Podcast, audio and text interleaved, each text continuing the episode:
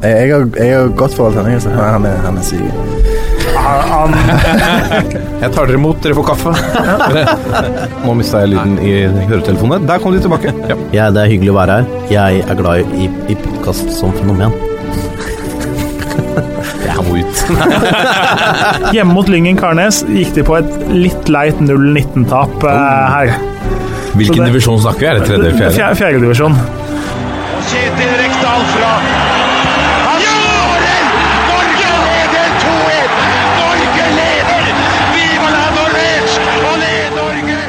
Og der er eh, toppfotball tilbake igjen eh, på sjølve frigjøringsdagen i historiske omgivelser her på Akershus festning hos Moderne Media. Eh, Dette er stedet hvor for, for de store innspillingene. Eh, Og eh, det er fristende å begynne med deg, eh, Lasse Wangstein. Du hadde en eh, fin dag i går. Eh, Vi skal ikke snakke så mye om det, men vi kan snakke litt. Eh, Hvordan var det?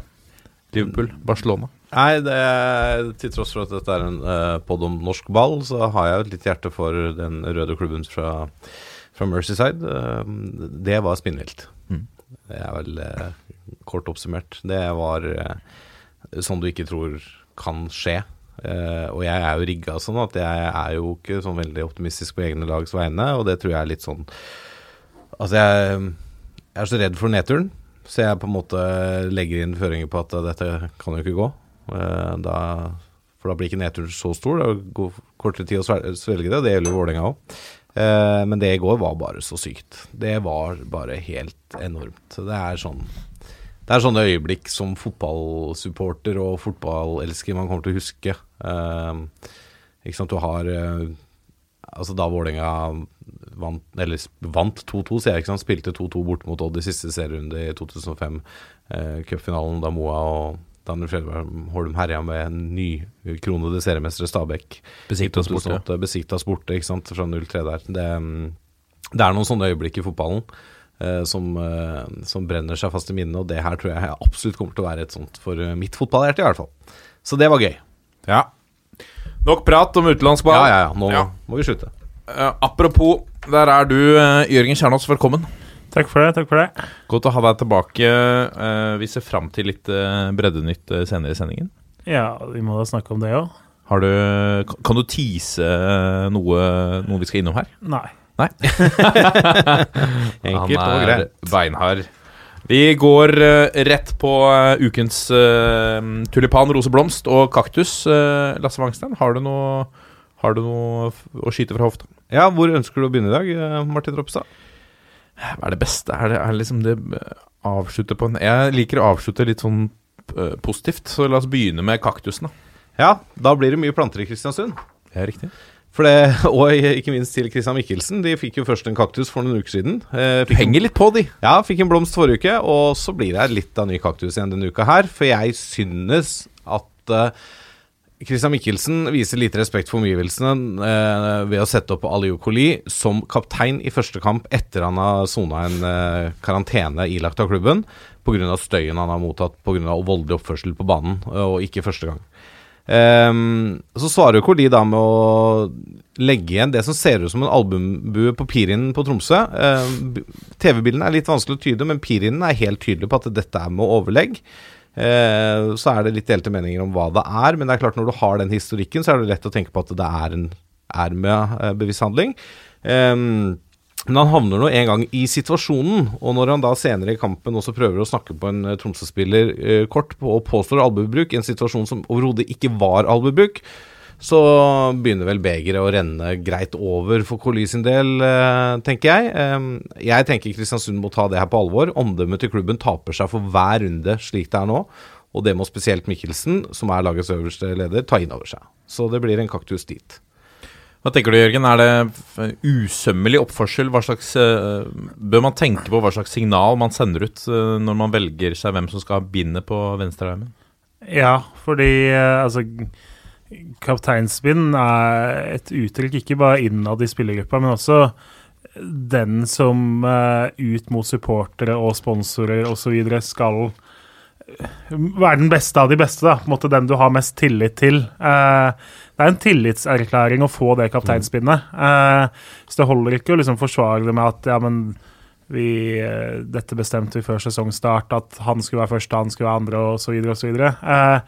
Eh, Det kan du endre på. Fra, ikke sant, det kan du endre. Framstår du som en uh, dårlig rollemodell og gjør dumme ting, så uh, bør det kapteinspinnet fjernes. Og så uh, kan det være vanskelig. altså Det fins jo noen kapteiner på en måte som er født med det kapteinspinnet rundt armen i fotballhistorien, men jeg vil jo ikke si at det er tilfellet i Kristiansund. Det er på en måte ikke Totti i Roma eller Maldini i Milan vi snakker om heller, da. Så selv om det kanskje er litt hyklerisk å mene at de hadde en høyere list da, for å bli tatt fra det båndet, fordi de er de de er. Men uh, det har vært litt mye, og da tror jeg kanskje det hadde vært best for alle om det båndet var et annet sted. Ja, og Jørgen har jo et stikkord her. Det er rollemodell uh, og forbilde.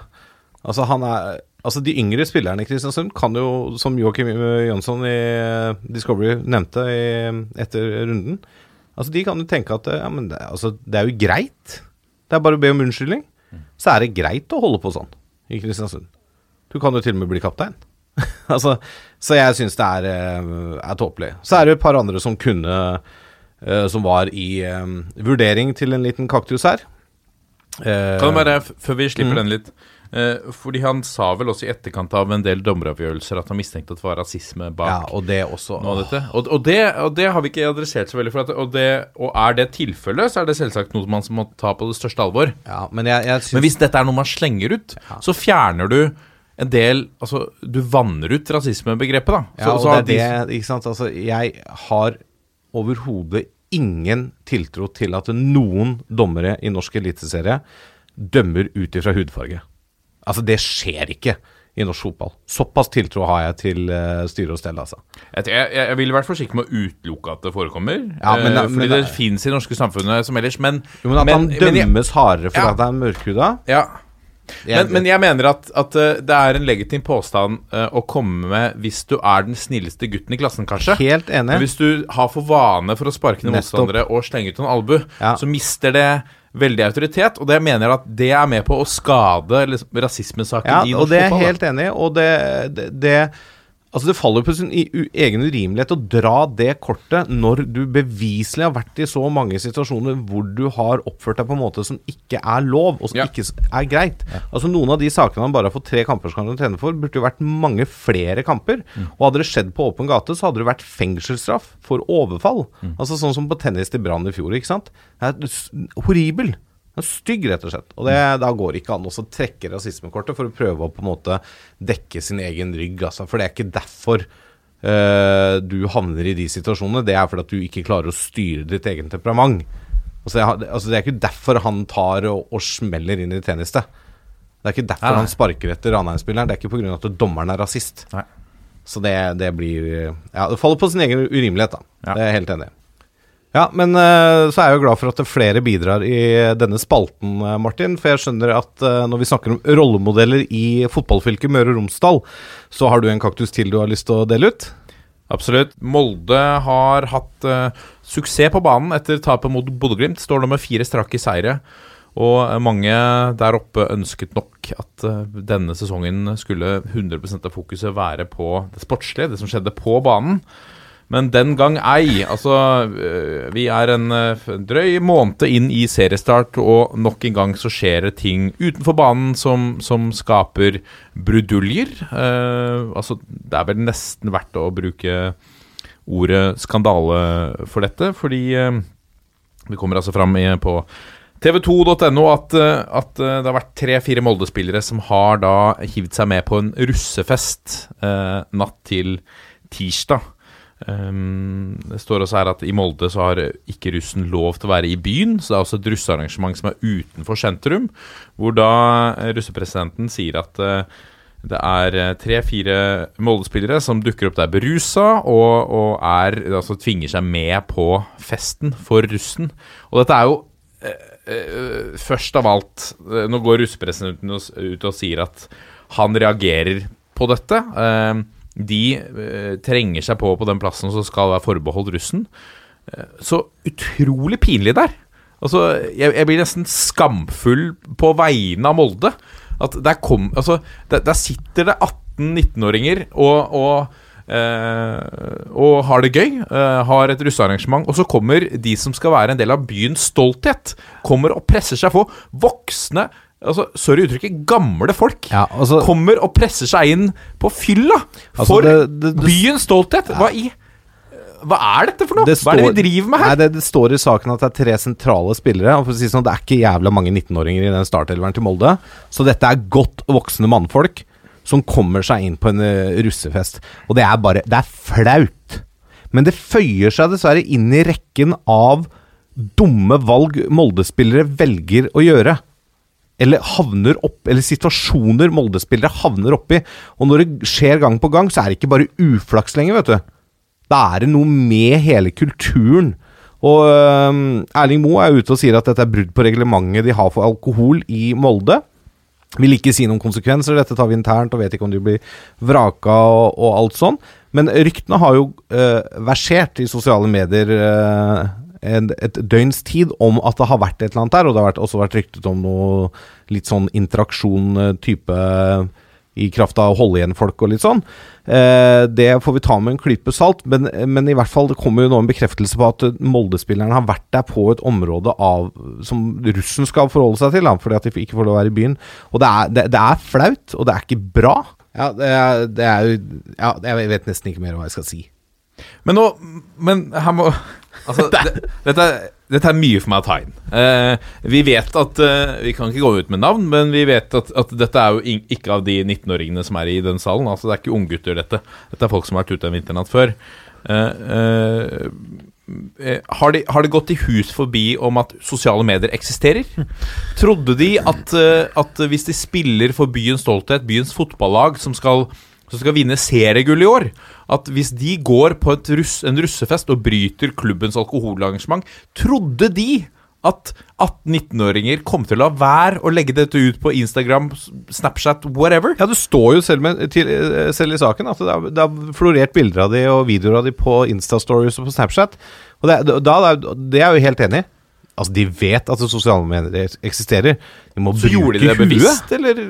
Jeg er tilbake til den andre kaktusen, da, Markus. Eller han uhederlige omtalen til Markus Pedersen som går på byen dagen før kamp, selv om han sannsynligvis ikke er i troppen.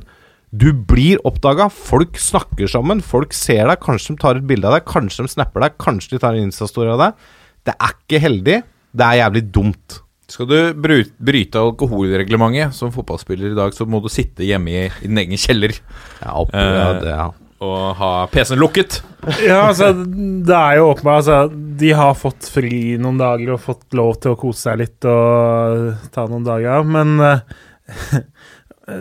ja, russ, altså, russefest hvis du er et stykke opp i 20-åra mer enn det, det eh, det, begynner bare, det blir pinlig. Jeg skjønner jo at man er frista og sånn, men det bør være noe i toppen din som stopper den prosessen ganske tidlig, da. Eh, før du havner på en russebuss og havner uti noe sånne ja, fergeleie for å feste med 18-åringene. Så eh, skjønner jeg at liksom huet ditt sier ja med en gang, og så bør du si nei ganske kjapt etter det, men eh, ja. ja, jeg, jeg blir litt imponert på en veldig negativ måte, hvis det kan å si det sånn. Det, Altså, Det er jo for dumt. Det er jo ja, det er for dumt, og, og at de ikke klarer Og igjen tilbake til omdømmet, som vi snakka litt om med Kristiansund, som nå driver og bryter ned omdømmet sitt. Det klarte jo Molde fint på egen hånd i fjor også, eh, med måten de håndterte diverse ting på. Men at de da ikke har spillere i den stallen som skjønner at nå må vi tenke oss litt om, for det her kan skade omdømmet til klubben som jeg spiller for. Mm. De bare fortsetter å drite seg ut. De bare fortsetter å dumme seg ut. Gang etter gang. Ja. Nei, det er eh, Nå er det jo med et lite forbehold her, at det er jo ingen av spillerne naturlig nok som kommer til å uttale seg om dette og gi sin Nei, versjon. Så det kan jo være at, eh, at, eh, at de har blitt invitert med på dette, men da bør det jo, du som si du nei, da. sier, Kjernås du, du bør skjønne såpass at dette er ikke et sted jeg burde være. Erling Moe har uttalt seg på vegne av klubben, og han bekrefter at det har skjedd, og at det er et brudd på det interne reglementet. Det er bekreftelse god nok for meg. Her har det skjedd noe som ikke bør skje.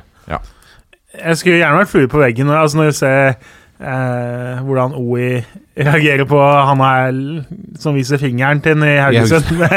jeg håper jo egentlig bare de setter på den videoen på repeat til disse gutta som har vært på russefest. Det er med at nå må du skjerpe deg. og jeg synes ikke noen kan få høre den 100 ganger eller et eller annet sånt. I hvert fall som en del av straffen. Eh, Ja, Da han reagerer på han som gir fingeren, da. ja, jeg tenker jo Siden OI nå Det er jeg, og jeg skjønner jo det for den saks skyld, men eh, det er jo fristende å se for seg OI stå og gi samme tale til disse lagkameratene, da. Så, Siden han har blitt ukas på en måte talsmann mot teit oppførsel, så eh, kan, kanskje han Kanskje han burde røske litt tak i de. ja, Det og det, altså, sånn det har jo Det er jo ikke noe, noe hemmelighet at no, altså, norske spillere er ute på byen i sesong òg, men det er jo på en måte noe annet. Jeg føler jo at Gå ut etter en lørdagskamp og ta seg et par øl er noe annet enn å stikke på russefest på en mandag, liksom. Natt til tirsdag. Det Ja. Eh, ja. Man, man får jo nesten årlig disse sakene med liksom Thomas 18 dropper russetida for å satse alt på fotballkarrieren eller svømmekarrieren eller et eller annet Ja. sånt, liksom.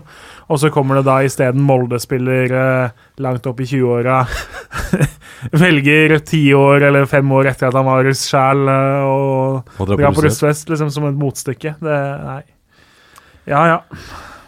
Men det var noen andre kandidater. Um, Som ikke nådde helt opp. Nådde Eller ikke helt opp, ned. men de skal få uhederlig omtale, da, som vi kaller det. Uh, først en liten tur til Skien og Odd-fansens piping eh, mot Mikkelsson, som beviselig blir eh, hardt skada båret båret ut på båret. Eh, fortsetter å pipe på han. Nå påstås jo at det pipes på dommeren, og at de så bildene på skjerm og sånn. Altså ser de bildene på skjerm seks minutter senere, så er det jo noen i storskjermbua på um, Falkum som ikke har gjort jobben sin. Eh, det, det var ikke bra, rett og slett. Lars Arne Nilsen. eh, du må skjønne supporterne dine. Du, du står ikke og sier at vi spilte årets beste kamp når du har tapt 1-0 hjemme mot Ranheim. Da er det bare å legge seg flat, selv om dere var spillemessig overlegne. Eh, noe vi skal tilbake til i pulsen. Eh, to store stjerner i Rosenborg, Bentner og Adegbenro. Eh, deres sutring i media etter årets første seier, det er umusikalsk. Og så helt til slutt uhederlig omtale til Strømsgodsets største profil og best betalte spiller, Markus Pedersen, som igjen havner i søkelyset av helt feil grunner. Han går på byen dagen før en kamp. Selv om han sannsynligvis ikke skulle spille pga. skade, så er det noe med signaleffekt osv. Og, så og så dukker det også opp da at eh, han noen uker før seriestart, rett etter han begynte å bli skadefri, hadde vært og rota litt opp i Holmenkollen i forbindelse med femmila. Så det er ikke første og kanskje heller ikke siste gang at Markus Pedersen gjør dumme vurderinger. Ehm, dette må han legge av seg. For det er sånn, det, apropos forbilde og rollemodell, og, og signalene utad, i hvert fall for en klubb som Strømsgodset, som sliter som de gjør. Ja, ikke, ikke bra, rett og slett. Og Det er mange, mange som meldte seg på denne uka her, altså. ja, det var det. Det var, eh, det var tøft eh, i kampen om ukens kaktus. Hvordan står det til i, i utdelingen av uh, ukens tulipan? Nei, den er litt mer kjærlig den uh, uken her. Den går til Am Amor Lajoni. Som øh, glimtvis, pun intended, i fjor viste hva som bor i den 26 år gamle kroppen. Da skåret han tre mål og hadde fire mål i under på 29 kamper. Etter tre mål nå mot Lillestrøm sist, så er han allerede på fire mål så langt i år, og da fortjener du rett og slett en blomst. Han hatt litt vanskelig karrierevei, var kanskje på nippet til å gi seg med fotball. Hent, eh, havna via litt tilfeldigheter i Elverum. Spilte godt for Elverum, og også borte mot Glimt, så de henta han dit, og er nå kanskje en av Glimts viktigste spillere. Og passer egentlig perfekt inn i Glimts 4-3-3-formasjon på venstrekanten der. Ehm, jeg syns det er gøy med sånne historier hvor du på en måte har vært, vært nede. Du liksom sitter og teller på knappene. Skal jeg gidde dette mer? Så drar du til norsk førstedivisjon. Midt oppi skauen i Hedmark. For å restarte karrieren. Og så nå er du en av de store profilene i toppserien, i- altså Eliteserien i Norge. Det, da får du en liten blomsterkast herfra, i hvert fall. Jeg minner om eh, i forrige episode at Ja. det gikk en runde rundt bordet her, eh, hvor vi skulle spå hvem vi trodde ble rundens profil. Og da er det altså uh, røft regna. Hvor mange, hvor mange spillere kan vi, kan vi velge oss der? Eh, 15 ganger uh, 20, 30 Altså 3, 400 16 ganger 20, da. Ja, hvor mye er det, da? Nei, det- 300 og Over. Jeg kunne valgt 300 spillere. Ja. Jeg plukka ut én mann. Amor Lajoni. Hva gjorde han? Han responderte på min tillit til han, med tre skåringer på Aspmyra. Altså, hva sier det om meg som eh, fotballmann? Ja, du er fotballekspert. Ja, ikke sant? Det er ikke Kanskje som er det nå? programleder, altså. Nei. nei. Kanskje vi må bytte rolle, Jeg, Lasse? jeg derimot da, hadde jo da Samuel Adegbenro. Ja, det gikk bra. Det gikk kjempe Han ble jo for så vidt en profil, da. Men det er helt feil grunner. Etter kampen ble han profil. Etter kamp uh, ville han profilere seg selv. Ja. Vær så god. Nydelig. Vi har mye vi skal gjennom i eh, denne sendingen. Vi skal eh, om et lite øyeblikk gå innom rundens eh, øyeblikk. I Pulsen skal vi se litt på cupoppsettet for andre runde. Vi skal til litt sutring i Trondheim. eh, noen rundingsbøyer fra Lillestrøm.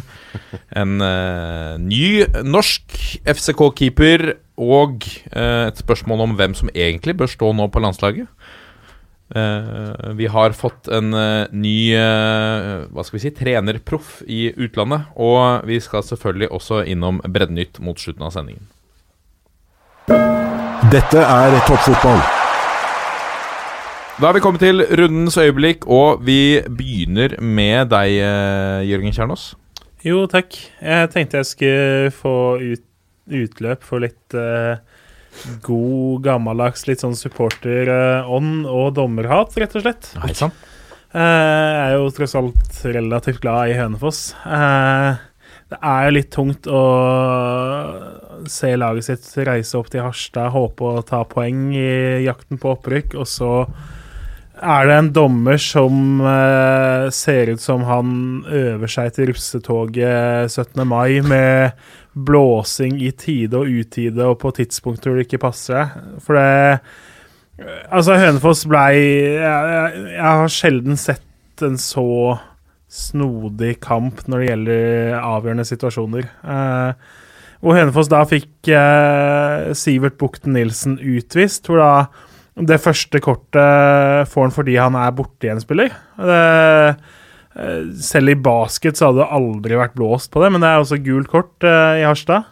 Eh, andre gule får han når ballen spretter opp, og så gjør han seg jo stor med hånda, og det er jo en hens, men midt på banen og ikke noe stoppende angrep. Altså, det er to så lette gule kort som det er mulig, og så innimellom der så har man da en straffe hvor det er noe som kanskje kan være antydning til noe som ligner på holdning, eh, men liksom da er bokstavelig talt hver eneste dødball i hver eneste fotballkamp fra gutter åtte oppover eh, straffespark eh, utover, hvis det der er straffe. Så det er liksom Det var litt småtungt å sitte og se på, også, men det var også litt godt, fordi man fikk opp liksom Kjente at eh, fotball betyr noe også. Man klarer faktisk fortsatt å bli irritert. Jeg sliter jo litt med den supportergenet i meg har dødd ganske kraftig de siste åra, jo mer og mer fotball har blitt eh, jobb, da, og litt sånn. Så litt deilig var det på en litt absurd måte å kjenne at man faktisk blir ordentlig irritert over dårlige prestasjoner fra mannen i svart. Engasjement, altså. Det er bra. Deilig. Litt temperatur der. Nydelig. Lasse Mangstein, hva har du? Eh, ja, jeg får jo prøve å vekte og balansere dette negative mot eh, denne fantastiske eh, klubben ned- nede i Skien, hvor det bare brukes selvproduserte spillere fra Telemark. Sånn som mannen som er er i rundens øyeblikk, det er jo Torgeir Børvens eh, 2-1-skåring og matchvinnerskåring på overtid mot uh, Strømsgodset. Jeg synes, altså jeg, vi har vært innom det før. Torgeir Børven er en fantastisk fin type. eh, som jeg unner alt godt, og som har slitt med mye skader opp gjennom karrieren. Eh, i, skulle egentlig eh, satses på som indreløper i år. Så ble det en skade eh, på en eh, annen angrepsspiller, så da ble det spiss igjen, og har levert så til de grader eh, så langt i sesongen. Det er jo da Lars Sæteravel som eh, er litt uheldig der for godset, men Børven snapper ballen, eh, kommer seg gjennom og setter den eh, rolig i mål.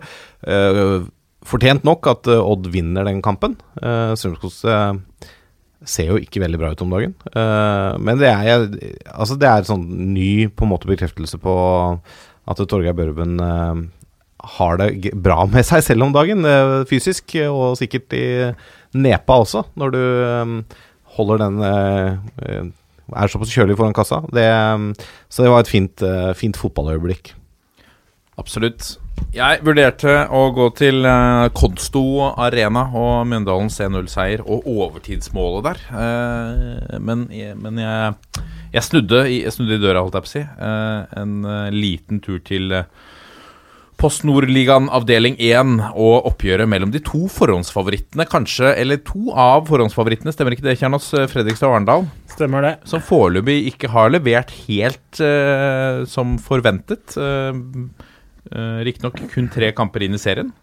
Men Fredrikstad som nå ligger på en åttendeplass, og Arendal som ligger helt ned på en trettendeplass, de møttes altså i Fredrikstad, hvor eh, Arendal tok ledelsen 1-0. Eh, Fredrikstad utlignet til 1-1. Arendal tok på ny ledelsen 2-1. Så ble det 2-2, 3-2, 4-2, 5-2 og 5-3 endte vi altså opp med. Åtte mål i en eh, Altså foreløpig ikke toppoppgjør, men to meget eh, bra lag i eh, den avdelinga. En eh, en, en målefest, må vi kunne si, selv om Selv om eh, begge lag forventer å ligge litt høyere på tabellen. eh, det er nok eh, tøft for Fredrikstad spesielt å ligge bak både Kvikkhalden og Moss på tabellen foreløpig. Og så er det vel rimelig å forvente at eh, den tabellen kanskje ser annerledes ut ved sesongslutt. Men også viktig eh, seier for, eh, for Fredrikstad. Hadde de, eh, hadde de eh, tapt eh, denne, så hadde de ligget eh, neste siste på tabellen. Og da begynner krisetilstandene, som vi har sett at de ikke er så flinke på der nede i Plankebyen. Da setter det seg fort, og så fortsetter det i den, eh, i den strømmen ut, eh, ut sesongen. eh, selv om vi har bare spilt tre runder. Nå kommer pulsen. Og så har vi kommet til pulsen, og vi begynner pulsen med cupoppsettet for andre runde. Fordi det er noen som reagerer litt på hvordan det er satt opp, Kjernos. Ja, det er det jo alltid. Eh, en av de som ofte gjør det, sitter jo her. Men eh, eh, jeg syns ikke det er så ille, egentlig, denne gangen, jeg, da. Det, altså, det store problemet her er jo hele greia med at nå skal det settes opp, og så går det an å trekke fram sånne snålheter som Ikke sant? Ta for eksempel altså Strømmen. Hvis de i dag slår Junkeren i en utsatt kamp, så møter de jo Bodø-Glimt. Eh, det er jo litt absurd at man kunne jo undra på om man tror Strømmen er en forstad til Bodø, ikke til Oslo, sånn, siden de møter to Bodø-lag. Og så møter de der, de møter et eliteserielag, mens det er andre lag i førstedivisjon som får møte tredjedivisjonsmotstanden isteden. Eh, Sånn vil det på en måte bli når eh, ting skal settes opp i andre runde, da. Eh, og så er det andre ting litt sånn at eh, Jerv møter Sandefjord med kunne ikke liksom Altså, man kunne gjort om på mye og gjort det enda litt bedre, men Fram møter Raufoss. ja, ikke sant, men sånn må det på en måte bli òg, at eh, alt går ikke opp, og veldig mange har møtt hverandre tidligere også. Eh, så når det gjelder reisinga, så syns jeg de har gjort det fornuftig med å sende Bodø-Glimt nedover til Gardermoen, fordi så lenge Strømmen slår Junkeren i dag, så er det oddetall antall lag fra nord. Med andre ord så må enten ett lag reise til Nord-Norge, eller et lag fra nord reise sørover. Eh, så det er ikke dumt å på en måte sette dem opp mot et lag som da Det kan jo potensielt bli byoppgjør mot Junkeren. Eh, det dumme der er jo at den kampen ble utsatt pga. SAS-streiken, sånn at man fikk oppsettet før det kampresultatet Men ble er, klart. er, det, er det kun uh, Bodø-Glimt som møter Obos-nivå, og Strømmen som møter eliteserienivå? Ja, det er kun det. Og så har du jo da tre, to eller tre rene oppgjør mellom eh, annendivisjon eller annen mot tredjedivisjon. Men kunne de ikke klart å unngå at de to øverste divisjonene møtes i første Altså i sett at det nå Jo da, Strømmen eh, men da måtte du for Altså, du kunne f.eks. da sagt at det er Egersund og Bryne som møtes, da. Mm. Eh, men da måtte du sendt Altså, da måtte du splitta opp eh, f.eks. et rent østlandsoppgjør, da. Ja, ja. Eh, og sagt at ok, Jerv-Sandefjord splittes opp, og så drar Sandefjord til Bryne, og så får Jerv Egersund, men de møttes i fjor igjen, ikke sant. Ja, så. Eh, så man har på en måte kutta reisinga så mye som mulig eh, ved å sette det opp litt sånn, Mm. men ja, hakket bedre kunne det jo alltids vært. Eh, men jeg ser ikke de store skandalene. Så har man jo noen oppi var selvsagt. altså Tiller fikk Rosenborg, og Hinna fikk Viking, blant annet. Det, det var ikke mulig å unngå sånn med tanke på hvilke lag som er videre, og med tanke på hvordan eh, forskriften har vært for hvordan det skal settes opp, da.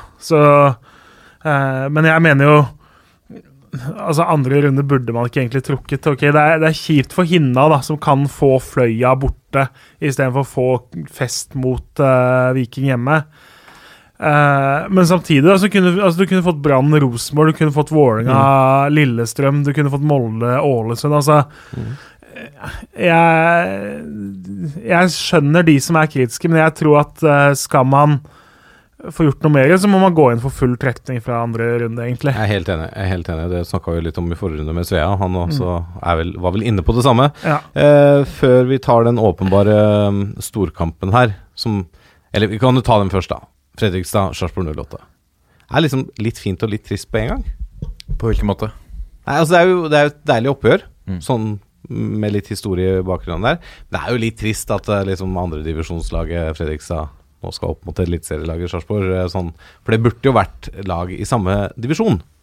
Og Du ville hatt begge to i Eliteserien, ja? Ja, det hadde det, jo vært der kommer det evige spørsmålet. Er det plass til to, uh, det kan jo være det, av i de lagene i samme divisjon, f.eks.? Jeg synes jo Nei, nei da, men i hvert fall sånn når du, For oss som husker lenger tilbake enn to år, da, så, og husker noen kvalikkamper der og litt sånn, så er det jo Det var gøye oppgjør.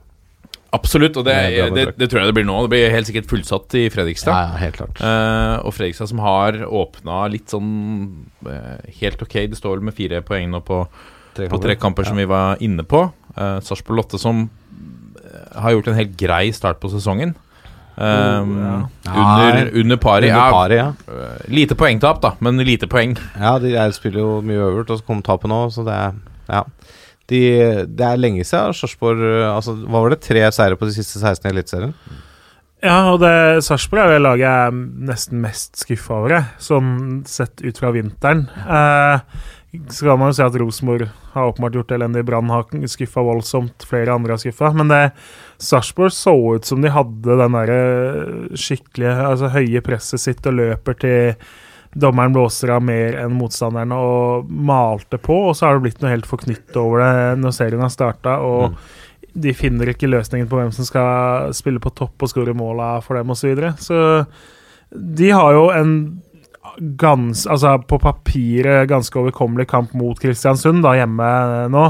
Selv om Kristiansund har overbevist de to siste sesongene osv. Så, videre. så skal Sarpsborg være et topplag, så har de også kniven litt på strupen før den kampen. De har ikke råd nesten nå til å gi fra seg poeng der. Da blir det hengende fryktelig langt bak. bak. Og det er, det er lunefullt å møte Det er skummelt å møte FFK fullsatt Fredrikstad stadion der. Uh, altså Det er en hel by Ja, som er være klar til kamp. Ja, være, ja, for de er jo det, på en måte. Men, men så er det jo kanskje ikke Altså De er jo ikke like store favoritter enn om de hadde møtt f.eks. Uh, Junkeren? ja, Sola eller ja, Nardo ja, eller eh, eh, ja. For dette er jo litt som du har snakket om òg, at disse kampene lever også litt sitt eget liv, selv om det er divisjoner mellom. ja, helt klart. Helt klart. Men, men også eh, nydelig at vi får den kampen da, klokka åtte på NRK. Mm. At eh, det er så mange som mulig som ikke har mulighet til å ta turen til stadion der, eh, kan få med seg den matchen. Helt klart. Men Og- ja. Ja, altså, altså Man har jo mange eliteserielag som ikke har råd til å holdt tråkke inn bremsen og hvile i de kampene her. Altså, Åsane eh, mot Brann, Brattvåg mot Kristiansund f.eks. Altså, det er gode andredivisjonslag som eh, eh, møter lag som har trøbla litt i starten nå. Det, jeg tror det blir veldig mye jevne kamper her. Eh, no, et par-tre av eliteserielagene kommer liksom til å vinne greit, og så kommer det til å bli veldig mye ettmålseiere og tomålseiere helt på slutten og sånn eh, den runden der. Spørsmål til um, Jørgen. Jeg ser at uh, Follo Bærum er satt opp mot uh, Notodden, og der står det stjerne. Det er lagt inn protest etter første runde. Hva går det dette i? Eh, Bærum fikk en spiller som sto i startoppstillinga skada på oppvarminga. Eh, valgte jo da åpenbart å starte med en annen spiller. Mm. Og så er det ikke gjort om på kamprapporten tidsnok, liksom. Det skal jo egentlig gjøres før kamp og Ja. litt sånn. Så Follo mener jo da at det var å regne som et bytte, og så bytta Bærum tre spillere som vanlig i kampen. Eh, veldig usikker. Bærum vant, med andre ord. Bærum vant etter ekstraomganger. Eh, og så er det da Follo som har protestert på det her og mener at formaliaen ikke er på plass. Men eh, hvor, altså, hvor formelt det er, er jeg usikker på. Men når en spiller faktisk blir skada på oppvarming, så har du jo lov til å bytte med en spiller som egentlig skal være på benken. Mm. Eh, uten at det skal gå utover byttene, selv om det skjer 10-15 minutter før kampstart. Så er ikke jeg sikker på på en måte hvor formelt det her blir, men uh, Det er litt annerledes å bytte fire i en kamp kontra å ta ut en før Ja, men han er jo på en måte ikke bytta heller. Han, Nei, er det jeg mener. så- det, det hadde vært annerledes hadde vært, Jeg syns protesten er helt illegitim hvis det hadde vist seg at de hadde bytta fire mann. ja, ja, ja. Ja. Men Eh, eh, For da får du en fordel. Ikke sant, Her skjedde det jo da Formaliafeil. Ja, lenge før lagene kom uh, tuslende ut på gressmatta. Jeg har jo selv vært med på at uh, Vålerenga bytta en spiller sånn to minutter før uh, kampstart. Altså idet Ja. man står i spilletunnelen, så er det sånn Du, han ble skada, det kommer ny mann inn. Ja. Men da blir det gjort. ja, og de Bærum eh, mener jo at de har sagt fra Altså, kapteinen har sagt fra til dommer og sånn, og fått tommel opp, da. Så eh, Bærum har definitivt ikke gjort det her for å på en måte jukse eller tøye strikken. Eh, så det står jo eventuelt på liksom hvor formelt sånne endringer i elveren må meldes inn, da. Ja, Da har jeg en oppfordring til mine, mine, mine venner i Follo, siden jeg har bodd i Follo noen år, og mine foreldre bor i, i Ski. Um, Ok, ja. bare dropp det.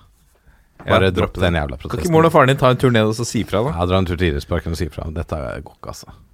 Send, Bærum skal møte Notodden. Det er litt sånn Ja, tenk å gå videre på en formalfeil. Det, Det blir så dumt. Det blir så dumt. Ja, ja. Ja, ferdig med det. Ferdig med det. Men, eh, men eh, vi har jo flere spennende oppgjør her. Altså, vi har eh, Kjelsås som står mot Skeid til et realt Oslo-oppgjør. Kjelsås som topper sin avdeling i PostNord etter fire runder. Ja, det er jo et av altså, sånne oppgjør at de faktisk setter opp en del av de, da, er jo, det er jo helt riktig. Når eh, Hvis Kjelsås ikke skulle få Vålinga egentlig, så er det Skeid som er nest mest avsvara. Men jeg tror Kjelsås syns det er morsommere enn å få møte Altså si Godset eller Sarpsborg eller Stabæk, da. På en måte. Ja. Jeg tror de syns det er morsommere med et eh, nabooppgjør mot uh, Skeid.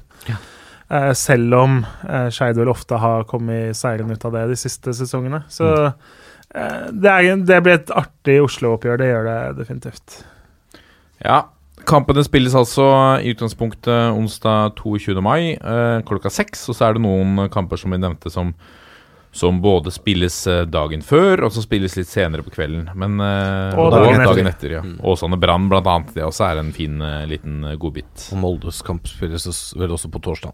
Det er riktig. Sunndal-Molde. Da er vel det er ganske greit å vite at i den runden der så er mandagskampen i Eliteserien Brann mot Molde eller Molde mot Brann. Ja, Viking òg spiller den eh, 23. Så de det. kan- ja, okay. ja. Men de har vel uh, fått, de har, ja, de har fått utsatt kamp pga. Ja. av det her U20. Ja, også. Ja. Vi går videre i pulsen. Vi tar turen til eh, Trondheim og Rosenborg, som kunne notere seg for årets første seier. eh, og det er vel ganske mange år siden vi måtte vente til uh, ut i mai for å få oppleve det. Men eh, det er ikke alle som er eh, naturlig nok like happy der oppe. Nei, altså Niklas Bentner og Samuel Adegbenro gikk jo ut i pressen dagen etter kamp og mm, var overraska over at de ikke ble brukt, og at de ikke får spille, og snakker om at det ikke er noe dialog med treneren og alt sånn. Og det, er- det syns jeg for så vidt er helt greit å melde, men det handler litt om timing her, da. For det, jeg syns jo de på en måte pisser på sin egen klubb i det tilfellet her, fordi ehm, Eh, det er så umusikalsk å komme med det dagen etter årets første seier, når klubben har trøbla så mye, og det har vært så mye snakk utad om at nå skal vi stå sammen, og vi står sammen, og vi, vi skal komme oss gjennom denne vanskelige perioden på, ved å være samla som eh, spillergruppe og som klubb, og med fansen og hele pakka. Eh, og verken Adegbenro eller Bentene var på banen og feira seieren med lagkameratene. Nå skylder jo Benten på at han måtte i gymmen, sånn at det ikke ble så sent. Men altså Det tror jeg ikke noe på. Nei, helt ja, det For kan godt hende han var en tur innom gymmen, altså. Ja, men, det, det, men, men, men, men, du eh, rekker to minutter ut ja. på banen og sier 'takk for kampen, yes, vi vant', liksom. det må vi kunne si i denne podkasten at det tror jeg faktisk ikke på. Nei, og det er helt greit, og det er jeg helt enig i. Altså, ja. Men jeg, jeg sier det kan godt hende han var i gymmen, men jeg mener han har tid til de to minuttene. Ja, Det er, det er så lang tid det tar å gå ut på banen takke supporterne. Maks, altså. Med å gå ut, takke et halvt minutt og gå tilbake igjen. Og vise seg fram. Altså, det her er så umusikalsk av de to Kanskje de to beste, eller største profilene omtrent Rosenborg har, da. Eh, og det skaper jo ikke akkurat samhold. Det skaper mer Altså, det var jo en del gnisninger i fjor høst også. Det kom noen tegn til at det var ikke bare fryd og gammen om å ha Bentner i stallen. Det her skaper mer avstand. Uh, Adegbenro ja, altså Han har jo vært en av de bedre spillerne i, i Eliteserien fram til han ble skada. Han har vært skada halve karrieren i norsk fotball. Ja, han har jo det, da, men når han har vært skadefri og, og fit, så har det jo vært meget bra. Men så er Altså Hornland må jo velge de han mener er best for at han skal vinne kamper.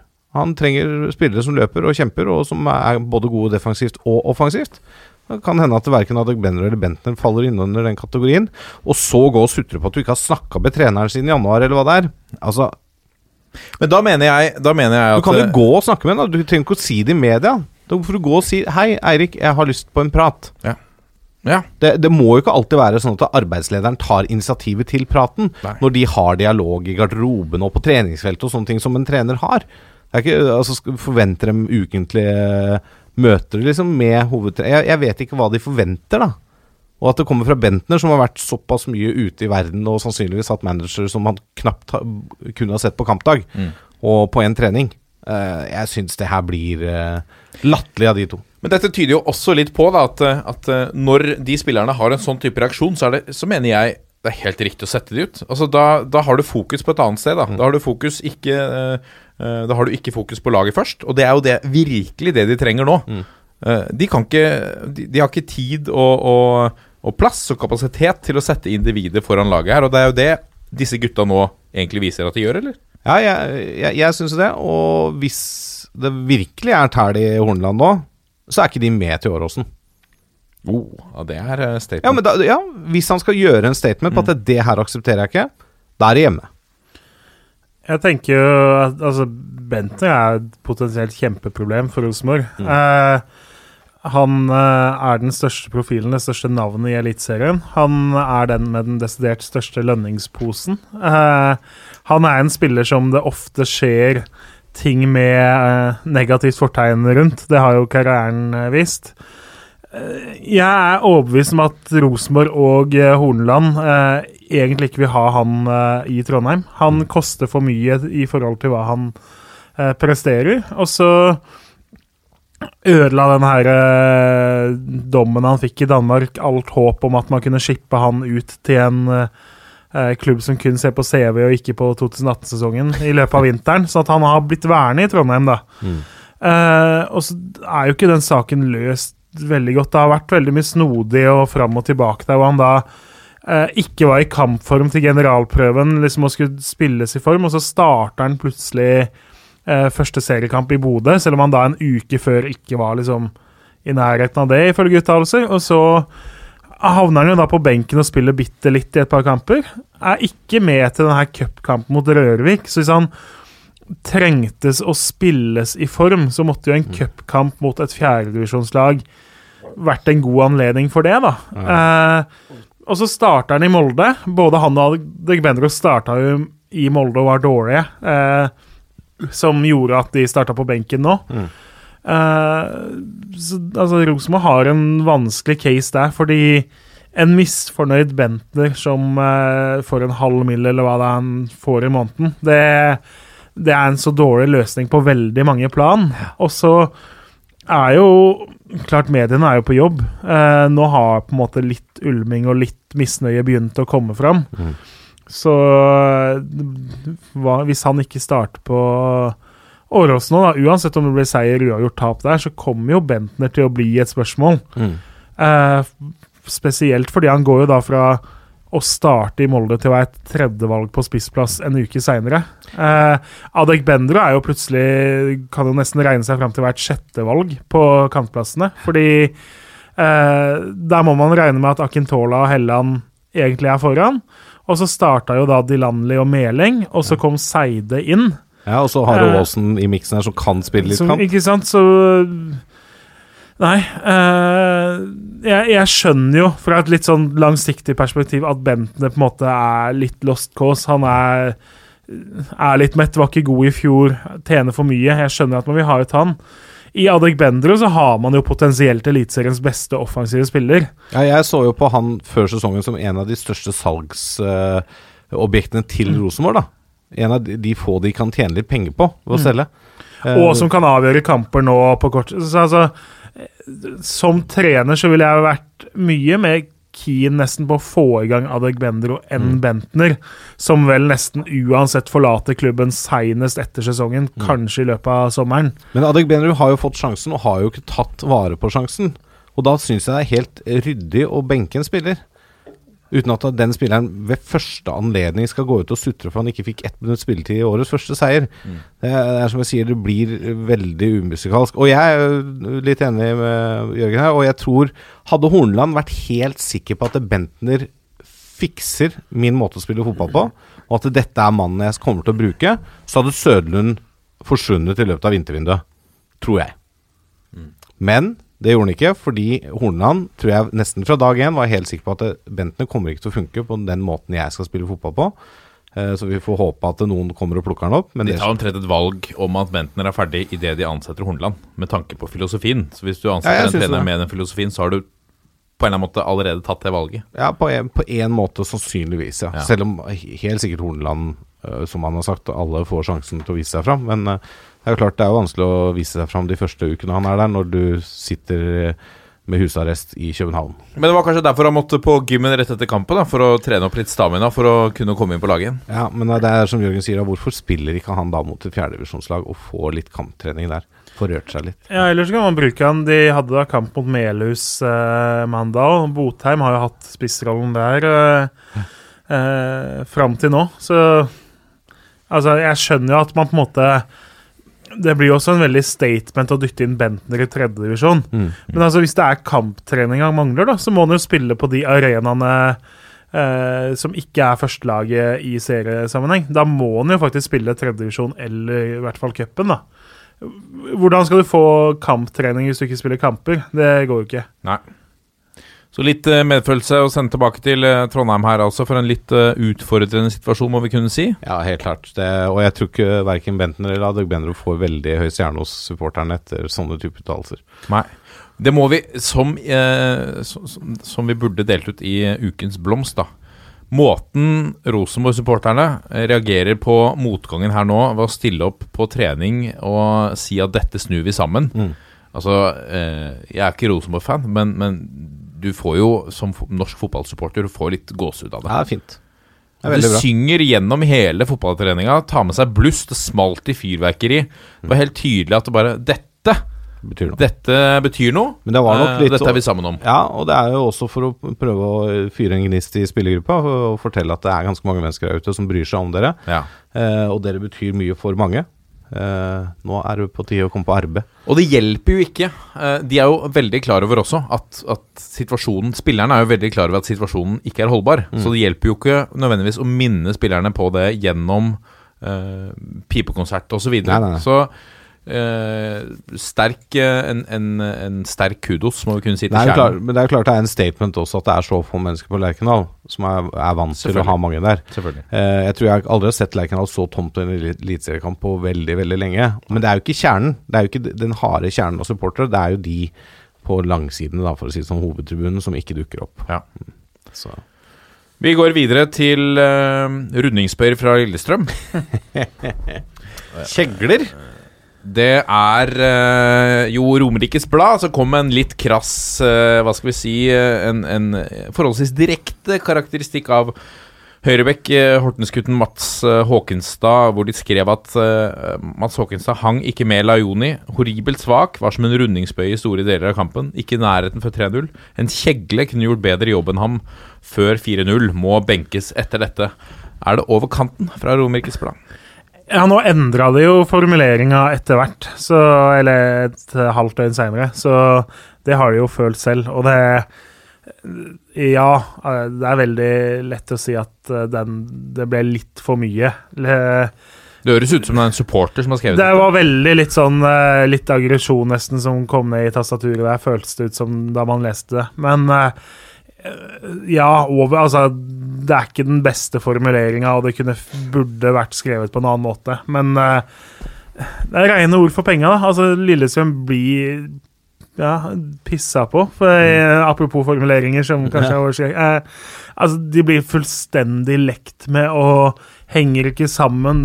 Og både lag og enkeltspillere leverer en elendig kamp. Så at det tas i bruk kraftige beskrivelser for å vise hvor dårlig det her var, det skjønner man jo godt. Og når karakter 1 deles ut på børsen, så bør det jo også begrunnes godt, liksom. Da, da er det ikke superlativene som kommer fram heller. Nei, det er klart at uh, Jeg kunne sikkert brukt litt annen ordlyd, men jeg syns ikke den første beskrivelsen er terningkast 1, eller er karakteren 1 av 10, som Håkenstad får. Så det er fortsatt bedre enn det Håkenstad leverer på Aspmyra. Uh, jeg syns det er helt greit, og dette må fotballspillere tåle, at de blir kritisert. Uh, jeg, jeg, altså, jeg, og jeg syns Håkenstad takler det ekstremt dårlig. Han er sånn derre sutrete, indignert uh, Sånn der, ja, er, Når jeg ser hvem som har skrevet det, så skjønner jeg altså Det er sånn der underforstått at det er han som skrev det, han skjønner ingenting, og han har jeg hatt en beef med før, liksom. Det er eh, og, og så da, uh, uka før, så står de samme spillerne eller Jeg sier ikke at Haagens har gjort det, men de samme spillerne står Nei, jeg leser ikke børskarakterer, jeg bryr meg ikke om det. Selvfølgelig bryr de seg om det. Alle gjør det. Det har jo flere spillere uh, bekrefta flere ganger. Selvfølgelig bryr de seg om børskarakterer. Altså, apropos den kampen vi snakka om uh, i internasjonal fotball litt tidligere i dag. da Uh, Det var vel bare tre spillere på Barca som fikk karakter i en spansk avis. Eller resten fikk stryk. Ja. Tror du de går ut i media og sutrer om det etterpå? Nei, jeg syns det var litt strengt. De har tapte 4-0 på bortebane. altså Ja. Så er, må, må vi jo ta med her at det er jo, det er jo Håkenstad selv som blitt spurt av, av pressen, da. Hva Jo, han syns om dette. Han, han svarer jo. Jo, jo, men altså, han kan tenke seg Han kan puste med magen og tenke seg om litt hvordan jeg svarer der. Ja. Og så du, du trenger liksom ikke Altså, når du har blitt så til de grader rundspilt som han har blitt, og som laget har blitt, så, er, så trenger du ikke å legge deg på det nivået at du skylder på at det er journalistens udugelighet som gjør at du får en dårlig karakter. Og at det var egentlig ikke så dårlig, for det var så dårlig. Jeg bare strekker henda i været og sier vet du hva, det, i dag var vi ræva, det var jeg òg. Ja. Det sa han, da. Det Jo, sa da, han også. men, jo da, men Ja. liksom han prøver å legge seg ja. Nei, det, de får tåle litt, grann, disse spillerne. Det, det syns jeg. Og så har øh, vår mann i Danmark, Ståle Solbakken, hentet en ny keeper. Og det er ingen ringere enn vår mann, Sten Grytebust, som øh, går inn portene på Parken og FC København. Og det er jo nå også uh, vår en av våre kandidater til førstekeeperplassen på landslaget, i og med at øh, Rune Almenning Jarstein skal opereres. Ja, og uh, Ørjan uh, Nyland fortsatt er ute med skade. Han også skadd. Så da er det jo, er jo Grytebuss nestemann i rekka, egentlig. da Ja, og han har gjort sakene sine bra for Odense, og vært eh, jaktet av flere klubber i Danmark, før nå valget da altså falt på FC København. Og han har jo, som du er inne på, Lasse, han har eh, vært tredjekeeper, han har vært andrekeeper. Han har eh, ikke fått mange sjansene med flagget på brystet, men vært med ja, i samtlige, vel, av eh, Lars Lagerbäcks tropper, i hvert fall. Og vært en type sånn tredjekeeper de siste sesongene.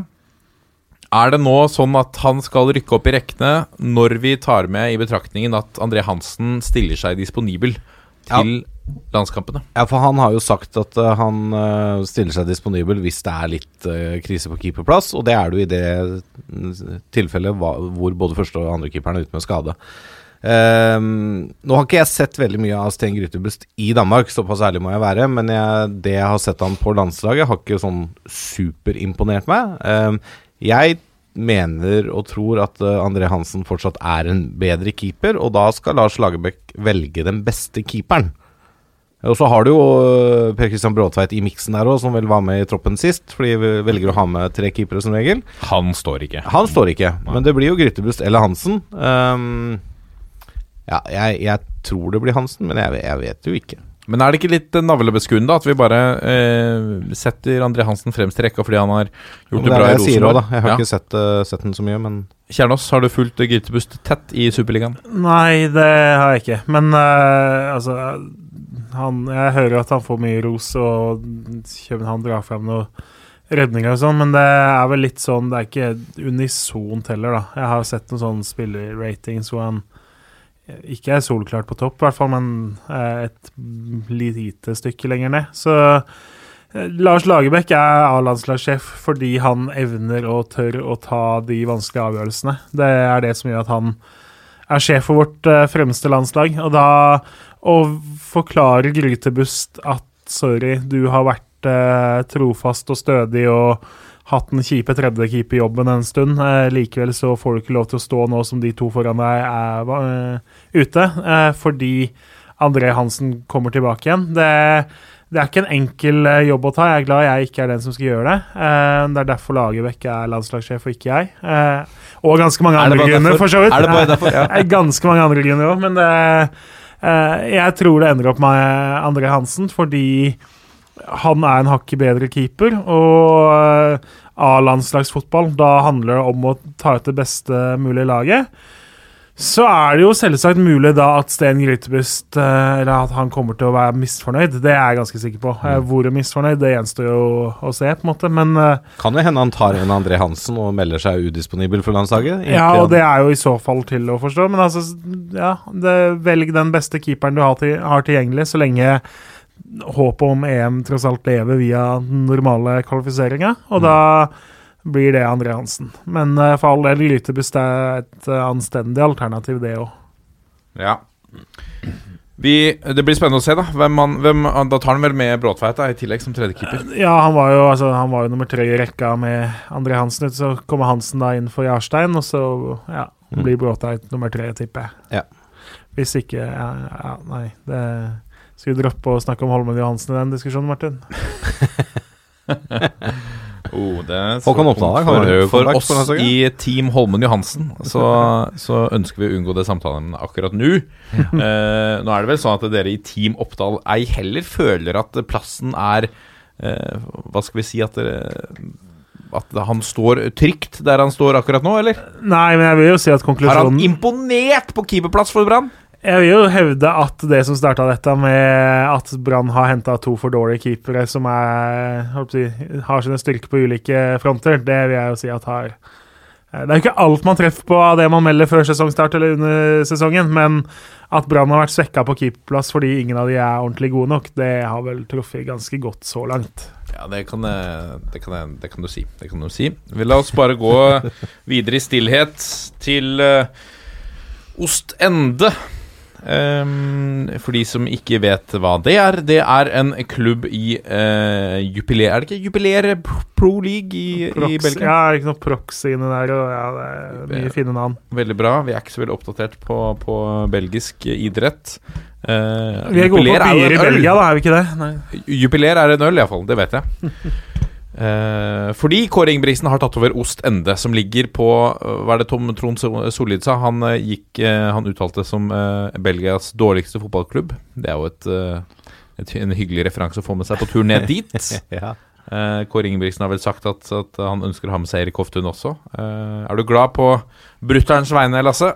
Det er jo alltid hyggelig med folk som eh, Nå har Kåre Ingebrigtsen akkurat vært arbeidsledig, da, eh, siden Discovery har gjort det til vane at uh, trenere som får sparken, får jobb.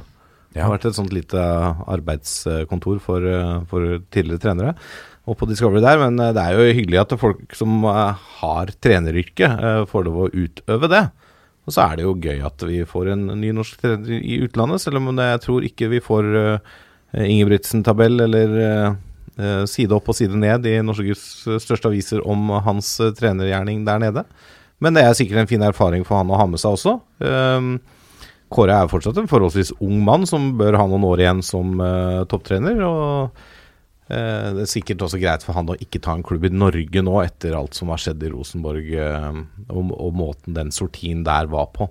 Så tror jeg det er greit for han å på en måte dra et annet sted. Kanskje han får en jobb i, i det flamske radio- og fjernsynskringkastingsselskapet, som er deres NRK, og, og får da jobben som ekspert på, på belgisk jubileer. Hvis han får sparken Jo Stende, tenker du? Ja. ja Rett inn der som ekspert. Ja, kanskje. Han var jo lenka til Brøndby-jobben òg. Jeg vil jo tro eh, at det var en jobb som frista ganske mye mer, da. Eh, da tar du over en potensiell toppklubb i Danmark istedenfor et lag som kjemper nedre halvdel i Belgia. Så eh, det framstår vel som at eh, om ikke desperat, så har han i hvert fall vært veldig på, eh, åpen for å høre på tilbud, da. Altså, Ja, Han fikk vel et tilbud fra Ostende ganske tidlig, og så Ja. ville han vente til det ble avklart rundt Brøndby. Mm. Da er det tydeligvis avklart at de velger en annen retning. Da tok hun og takka ja i Belgia. Ja, det er litt spesielt, det også. Ja. Men ja, vi, eh, vi vil se brutter'n danse i Belgia. Dette er toppfotball.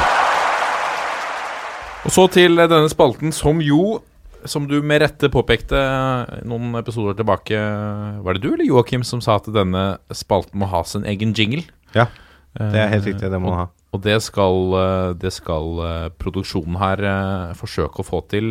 Eh, Dersom det er noen der ute som eh, brenner inne med en Breddenytt-jingle, send gjerne inn eh, til oss, da. Så, så får eh, er det mulig å stikke av gårde med en, en toppfotballkopp her, og selvfølgelig da krone seg med å ha laget breddefotballjinglen. Nå er det klart for, eh, for Breddenytt med Jørgen Kjernås. Vær så god. Ja, vi, jeg tenkte vi skulle starte i Moss, jeg. Eh, vi skal ha en liten gjettekonkurranse. Fordi Moss hadde da i går tirsdag et innlegg på Facebook. Innleder da med å skrive 'Fantastisk nyhet for MFK!' utropstegn. Hva tipper dere den nyheten er? Eh, dere kan få alternativene. Alternativ A, de har signert en ny spiller. Eh, alternativ eh, B, de har eh, fått et eller annet annet positivt som jeg ikke kom på et godt eksempel av nå. Eller alternativ C. Klubben skal styre Peppes Pizza Mo avdeling Moss sine sosiale medier-kontoer det neste halvåret. Kødder du med meg?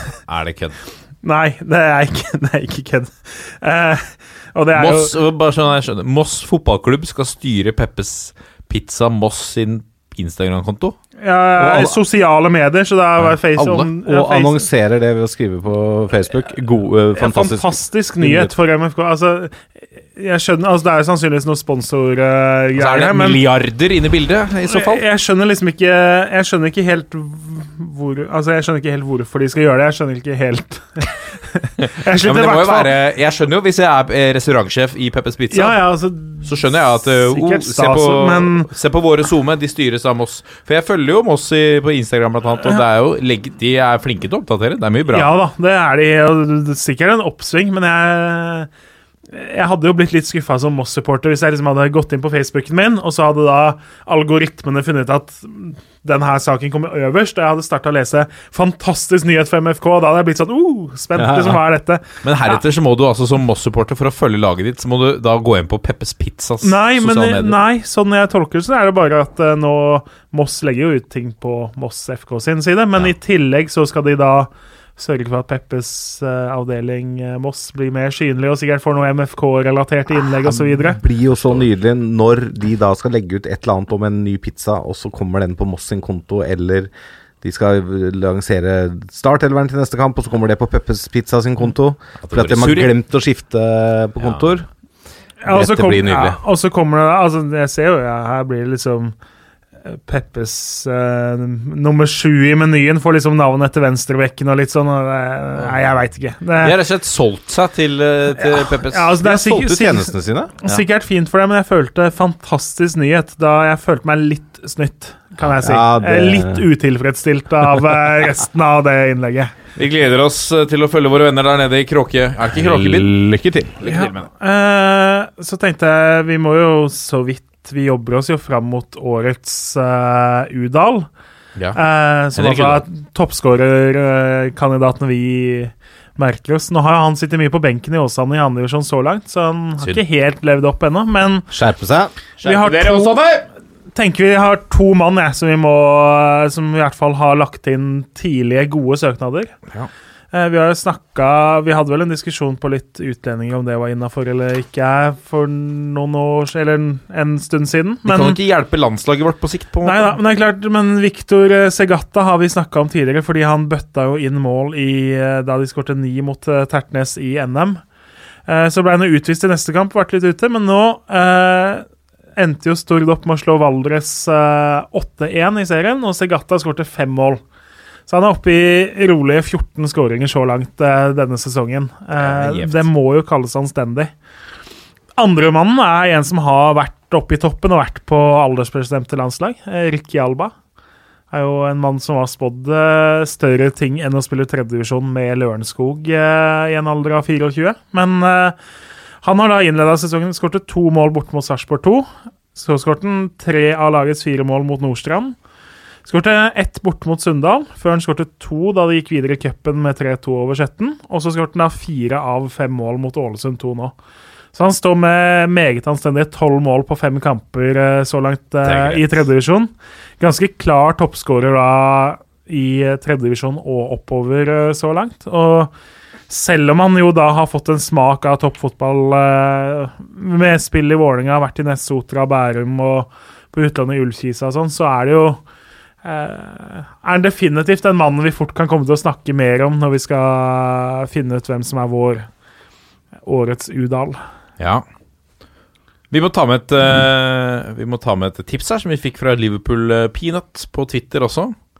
Uh, det er altså eh, Lysekloster-trener Ruben Hetlevik som nå har blitt uh, bortvist, eller utvist, fra trenerbenken i to kamper på rad. Hvorfor? Eh, han har altså gjentatt samme forseelse to kamper på rad, og hva var det? Han ropte 'hei!' til uh, Dommeren. dommeren. Og slo ut med armene. Det er uholdbar uh, oppførsel i vår, uh, vår tredjedivisjon, er det vel? Eh, hva, hva tenker du om dette, Kjernås? Nei, altså, jeg, jeg skjønner jo at det er slitsomt som dommer hvis en trener står og roper hei, hei, Hei! veldig mye, men det det ropes jo som regel ganske mye verre ting enn hei fra samtlige benker i omtrent samtlige kamper på samtlige nivåer i det landet her. Så eh, Han sier jo selv at han Det var vel litt med litt hender som blir slått oppgitt ut, men han mente han hadde hatt henda i lomma på den ene av forseelsene. og altså det, jeg så altså det er, Jeg syns det har vært ganske mange trenere. Jeg så Bent Inge Johnsen ble utvist for Lyn her mot Ullern på lørdag, og uten at han han framsto jo ikke noe, som noe sånn tasmansk djevelsinna, liksom. Han har Altså, Aldri han fremstått som Han som som en relativt sindig type, så ja, det var ikke noe sånn at han så ut som han hadde bytta personlighet heller, eh, akkurat da. Så eh, jeg tenker jo at lista ligger vel kanskje litt vel lavt. Jeg skjønner jo at du som dommer går lei og vil ha en stopp på det, men altså, litt takhøyde må det være. Ja. Det blir litt eh, Hva skal jeg si? hå hårsårt. Litt hårsårt, da. Det Ja. er helt riktig.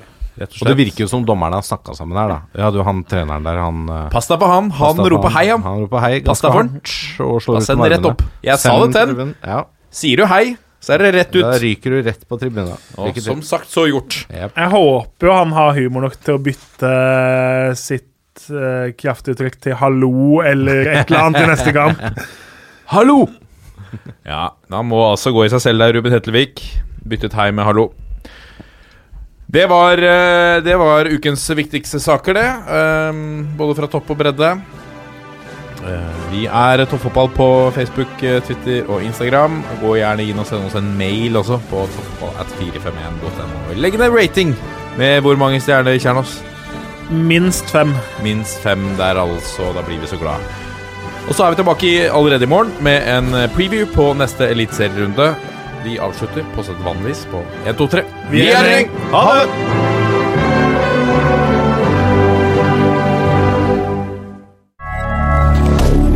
moderne media.